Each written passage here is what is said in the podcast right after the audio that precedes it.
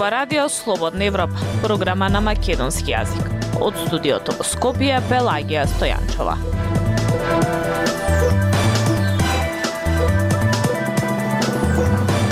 Во денешната емисија на Радио Слободна Европа објавуваме железничка несреќа во Грција со над 30 загинати. Собраниски седници како арена, пратениците се обвинуваат кој е покорумпиран. Концерт со српски музичари заврши на суд во хрватскиот град Пула. Ке се докажува дали е забранет или откажан. Слушајте не. Актуелности свет на Радио Слободна Европа. Грчкиот премиер Кириакос Мицотакис прогласи тридневна жалост во Грција по железничката несреќа во која загина најмалку 36 луѓе.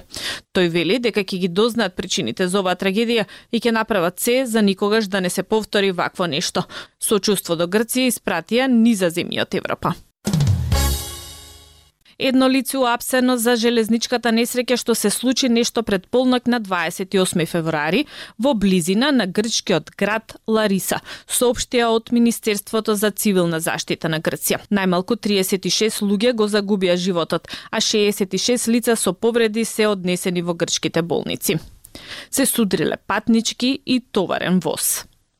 Снимките од несреќата покажуваат превртени опожарени вагони со скршени прозорци. Слушнавме голема експлозија, 10 страшни секунди, изјави Стегиос Менинис, 28 годишен патник во возот. Грчките медиуми објавија дека во возот имало 350 патници, поголемиот дел од нив студенти кои по продолжениот викенд се враќале или дома или во студентските кампуси. Според грчките медиуми, уапсен е одговорниот на железничката станица во Лариса. Грчкиот премиер Кириакос Мицотакис до петок прогласи тридневна жалост во Грција по железничката несреќа. Една работа можам да гарантирам, ќе ги дознаеме причините за оваа трагедија и ќе направиме се што е во наши раце за никогаш да не се повтори вакво нешто. Порача Мицотакис од Темпи, од местото каде што најмалку 36 лица го загубија животот.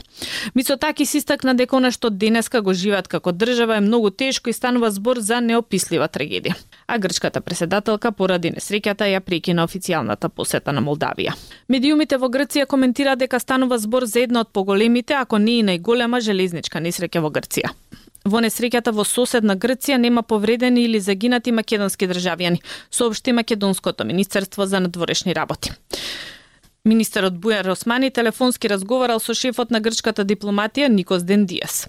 Тој му изразил сочувство за трагичната железничка несреќа во Грција и упатил пораки на сочувство до семејствата и роднините на загинатите, а на повредените им посакува брзо закрепнување, велат од македонското МНР. Пораки со сочувство до Грција за железничката несреќа кај Темпи упатија министри за надворешни работи, преседатели и премиери на низа земји од Европа. Слободна Европа. Следете на на Facebook, Twitter и YouTube. Партиите минатиот месец објавија бројни афери за корупција, но не поднеле пријави до надлежните институции. Антикорупцијска комисија на собствена иницијатива отвори предмет за проверка на имотната состојба на вице-премиерот Артан Груби и на лидерот на Алијансата за албанците Арбен Таравари. Сомнежи за злоупотреби бе објавени за премиерот Ковачевски и за лидерот на ВМРО ДПМН Мицкоски, но пријави не се стигнати ниту до јавното обвинителство. Повеќе од Владимир Калински. Многу обвинување за сомнежи за криминал и корупција деновиве доаѓаат од опозицијската ВМРО ДПМН кон државни функционери и кон лидери на партиите кои се дел од власта, но и од владеачката СДСМ кон лидерот на опозицијата Христијан Мицкоски, ама ништо од тоа за сега не завршило со пријави до институциите задолжени за расследување на ваквите случаи како јавното обвинителство и Државната комисија за спречување на корупцијата. Јавното обвинителство нема добиено пријави за последните објавени случаи, а можното оформување на предмети под допрен глас за сега го разгледуваат, како што објаснуваат од институцијата, бидејќи тоа оди побавно поради потребните проверки на релевантноста на наводите за корупција и криминал. ВМРО ДПМН е само минатиот месец објави неколку случаи за сомнежи за корупција на првиот вице-премиер во владата Артан Груби, како и случај за сомнежи за можна политичка корупција на председателот на Алијанса за албанците Арбен Таравари. СДСМ пак објави дека лидерот на опозицијата Христијан Мицкоски поседува милионски имоти во Скопје, Охрид и Црнагора. Истражувачката репортерска мрежа ИРЛ вчера објави историја за можни злоупотреби во владата од страна на премиерот Димитар Ковачевски за негово политичко рекламирање.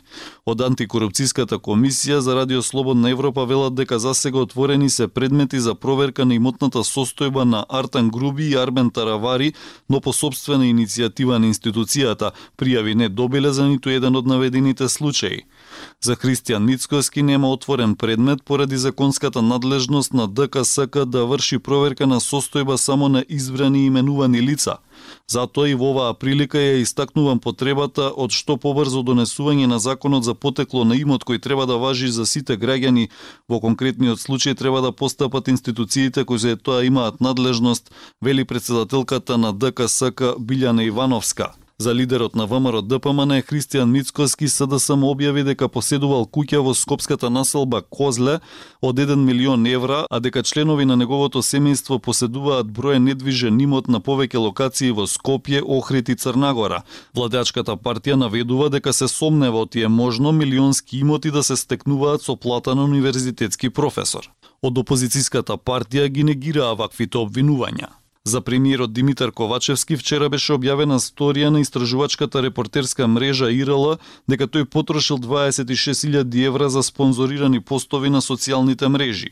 Ирала пишува дека нивните новинари дошле до сознание за крирање и злоупотреба на масивен механизам од човечки ресурси платени од владата преку плати, хонорари и договори со надворешни консултанти преку кои вршеле и вршат незаконита политичка кампања. Ковачевски вели дека за комуникацијата на неговиот профил на социјалните мрежи не биле потрошени буџетски пари. За сега се останува само на меѓусебни обвинувања без правна разрешница.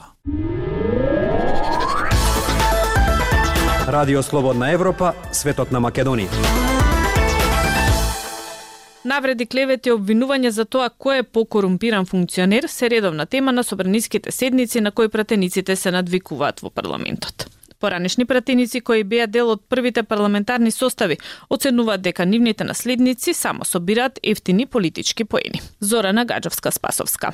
Демонстративното напуштање на собранието на претеничките од владеачката СДСМ, покако што велат сексистичките изјави на нивниот колега од опозицијската ВМРО ДПМН, е само јаготка врз шлагот по неколку неделните партиски припирки на седниците наменети за дебата за реконструкција на владиниот кабинет. Од навреди кои алудираат на машкоста на премиерот, до тоа дали претениците користат друга, преку мерење на интелигенција, па до семени врски, криминални групировки и говор на омраза. Ова се само дело темите за кои се надвикуваа претениците во изминативе десетина дена од собраниската говорница, додека јавноста чекаше да бидат избрани новите министри кои треба да ги вратат во функција обезглавените министерства.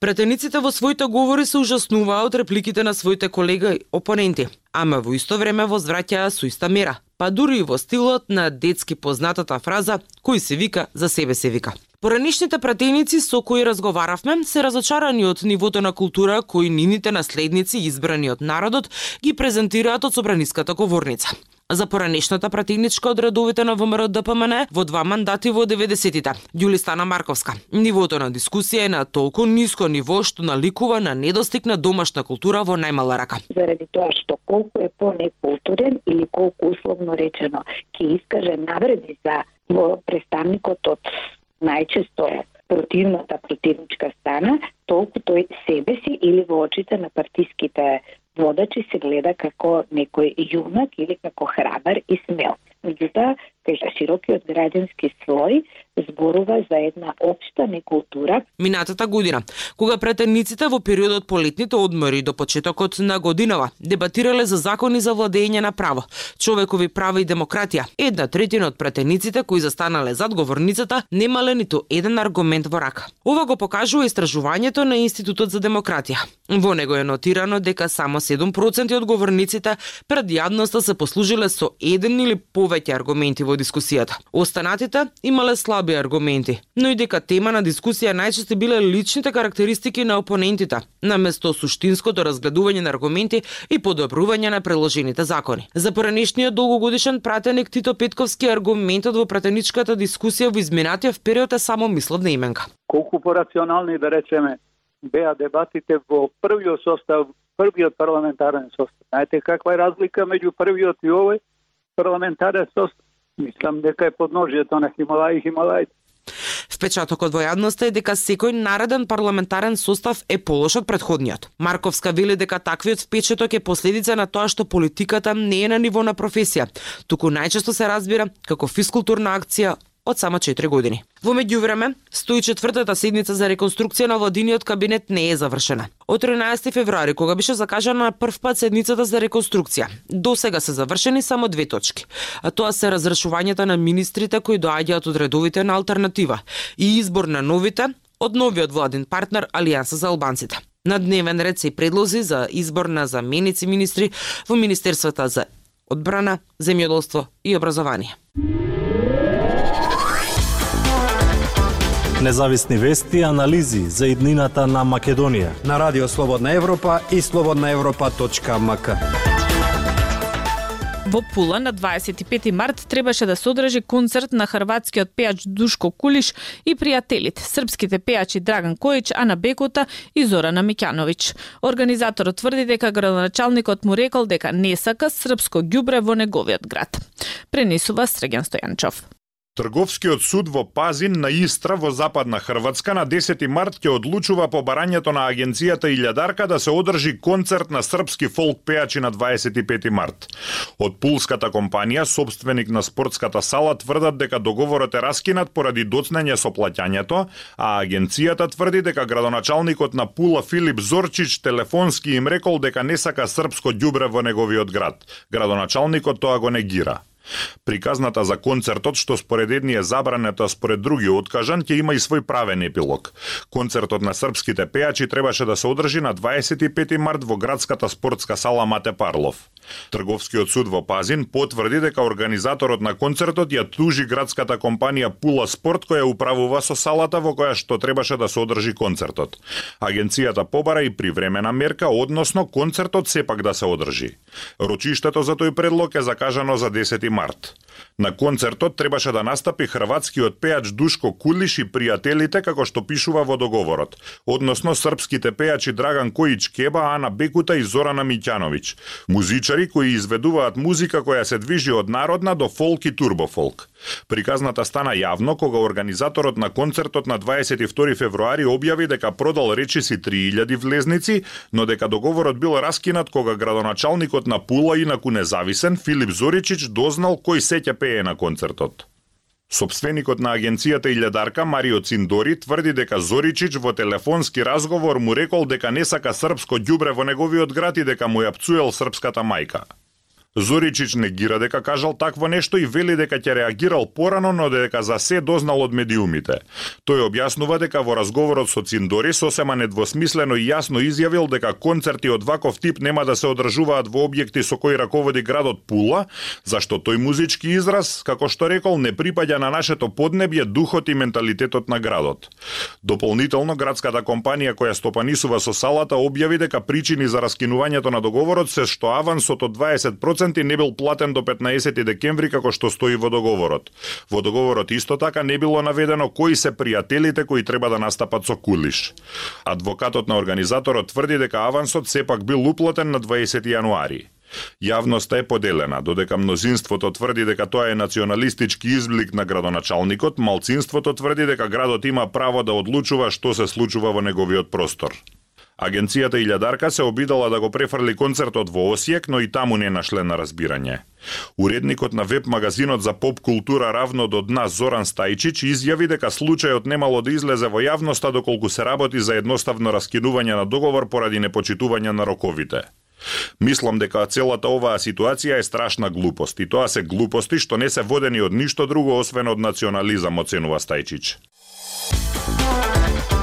Ја слушавте емисијата на Радио Слободна Европа, програма на македонски јазик.